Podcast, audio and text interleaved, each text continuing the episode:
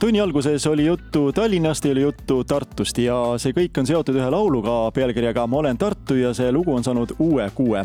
ja meil on suur rõõm tervitada siin stuudios Raadio Elmar endist saatejuhti, meil on külas Liana Seigo, tervist! Tere, Tambet ja tere, kuulajad! ma ei saa teisiti, ma pean küsima, kuidas sul vahepeal läinud on, millega sa oled vahepeal tegelenud ja, ja kuidas elu praegu möödub? no vahepeal on elu läinud ikka päris sellises kiires rütmis minu jaoks, sellepärast et mul on äh, kaks väikest last kodus ja eks nendega toimetades on see minu, minu elukene möödunud siin vahepeal, vahepealsed aastad. ehk siis sinu elu on praegu pigem Tallinn kui Tartu? Äh, no kiiruse poolest kindlasti jah, aga muidu ikkagi alati Tartu seesama lugu sai valmis juba viisteist aastat tagasi. Ja on see tõesti nii palju aastaid möödunud sellest originaalist või? Äh, originaal äh, tegelikult äh, jah, ma, ma nagu valmis kirjutasin selle juba viisteist aastat tagasi, aga ta ilmus siis aasta hiljem. Et stuudios salvestasime kaks tuhat üheksa minu arvates ja siis peakski nüüd viisteist aastat saama, et jah, päris pikk aeg juba möödas. Kui sa meenutad seda algse loo valmimist, oli sellel mingi kindel põhjus, kindel tõuge, miks see, miks see valmis sai, mis sind kõnetas? Eks tollel ajal oli ikka palju selliseid dilemmasid, et äh, see Tallinn ikka kutsus mingis mõttes, et seal oli väga palju äh, teha, äh, head töökohad, võib-olla väga palju võimalusi, aga samas ikkagi muus mõttes ta ei kõnetanud, et mina teadsin juba väga noorena, et mina jään Tartusse alati, et ma Tallinnasse kunagi ei lähe. ja sa ei ole kunagi olnud pikemat aega Tallinnas? Ainult mingi kaks päeva umbes võib-olla ja ma tunnen alati tõesti, et kui ma Tallinnas olen, mulle väga meeldib, et seal on ilus, mõnus meri on ja kõik ja vanalinn on tore. aga ikkagi mind hakkab kohe see kiirus häirima ja minu jaoks on kõike seal liiga palju muusikainimesena, kas äh, teistpidi jälle siin lõuna pool olles millestki ilma ei jää või, sest muusikaelu ikkagi keerab ka valdavalt Tallinnas, väga palju stuudiod on Tallinnas, suurem osa kontserte toimub Tallinnas väljaspool suvist aega. kas see, see nagu ei pidurda kuidagi? Jah, võib-olla niimoodi võib mõelda jah, et on, aga samas äh, tänapäeval on näiteks Tallinn-Tartu maantee on väga heas korras juba ja, ja need vahemaad on üsna väikesed, et tegelikult annab siin mööda Eestit äh, ükskõik kuhu minna ja, ja igal pool saab käidud, kus vaja käia on no kõik paigad arenevad, kui sa mõtled Tartule viisteist aastat tagasi ja praegu, kui palju on Tartus muutunud? No kindlasti on väga palju muutunud, näiteks juba hooneid on väga palju korda tehtud ja ilusaks tehtud ja nüüd on ju tulemas ka Tartu kaks tuhat kakskümmend neli kultuuripealinn, eks ole, et sellega seoses on ka ju väga palju sündmusi, üritusi ja no näiteks kui juba mõelda selle vanalinna peale, siis näiteks toidukohti on ju väga palju juurde tekkinud sinna tänavate peale, et kus inimesed saavad lihtsalt aega veeta ja mõnusalt olla. et äh, minu arvates Tartus on praegu väga palju teha ja ma arvan, et rohkem kui võib-olla aastal kaks tuhat üheksa no alati on ju neid ka, kes eh, teistpidi jälle virisevad, et eh, see vana vibe on kadunud, see vana hingus ja ei ole seda Tartu vaimu enam ja võib-olla on liiga palju inimesi ja kuidas sa sellele vaatad, kas, eh, kas see on nii või, või peabki üks normaalne paik arenema edasi ka? ma arvan, et üks normaalne paik peab alati edasi arenema, ma arvan, et see virin käib nagu iga areneva asjaga tegelikult kaasas, et alati on neid, kes nostalgitsevad väga ja, ja mõtlevadki, et oh, et küll oli see rohi rohelisem ja taevas sinisem, aga eks inimesed jäävad ju ka vanemaks ja see on loomulik, et inimene igatseb neid oma noorusaegu ja nooruspõlve aegu, et äh, ma arvan, et see on täitsa normaalne tegelikult see nähtus selline.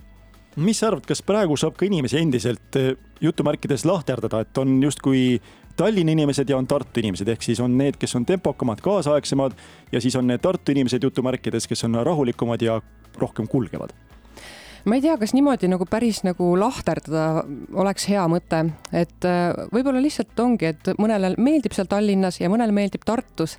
ma tean näiteks, mul on üks sõbranna, kes ei tule mitte kunagi siia Tartusse, ta on seal Tallinnas ja ütleb mulle, et tule, tule külla. Ja mina ütlen, et tule mulle külla. Et äh, ja me kuidagi ei saa kokku kunagi.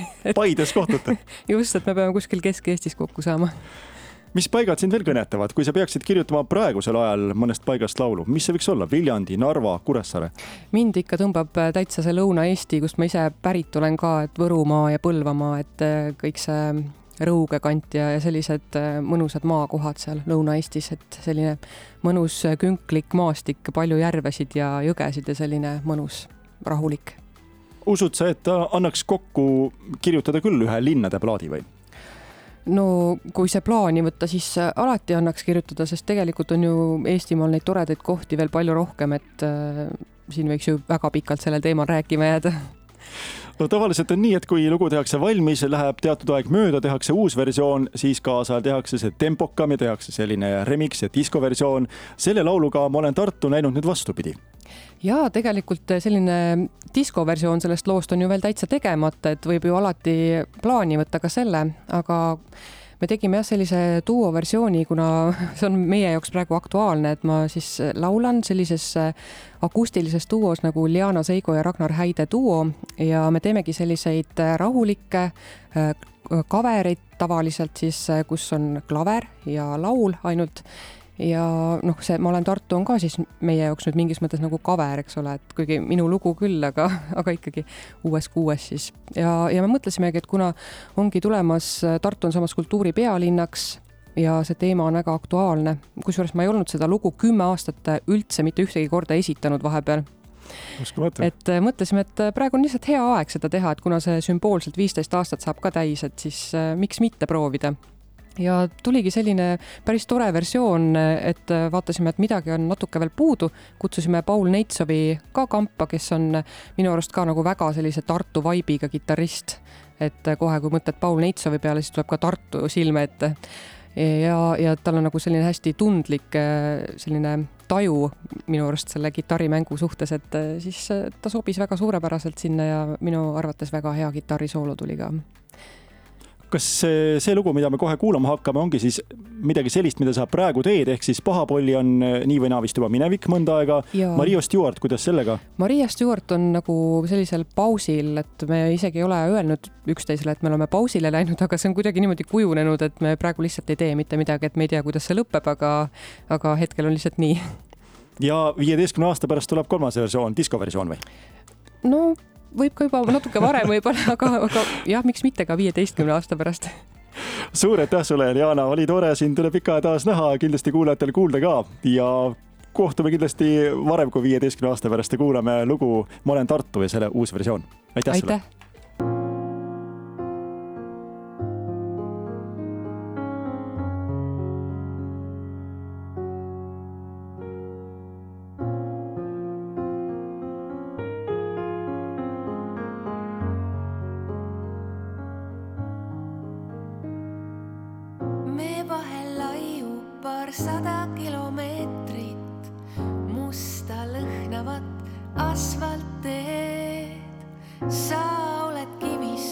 ja mina olen puust, kuid suuri sõnu kuuleb mõlemate suust.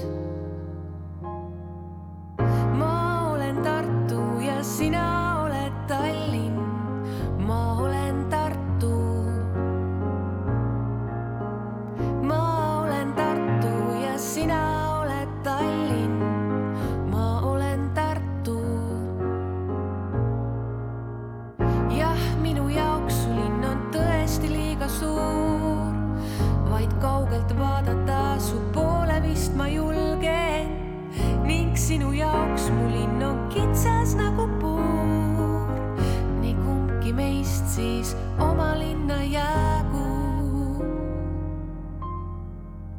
ma olen Tartu ja sina oled Tallinn. ma olen Tartu. ma olen Tartu ja sina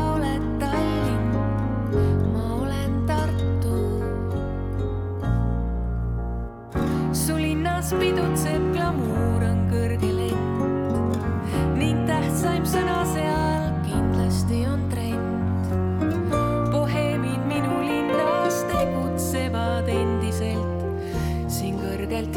Go, this gun.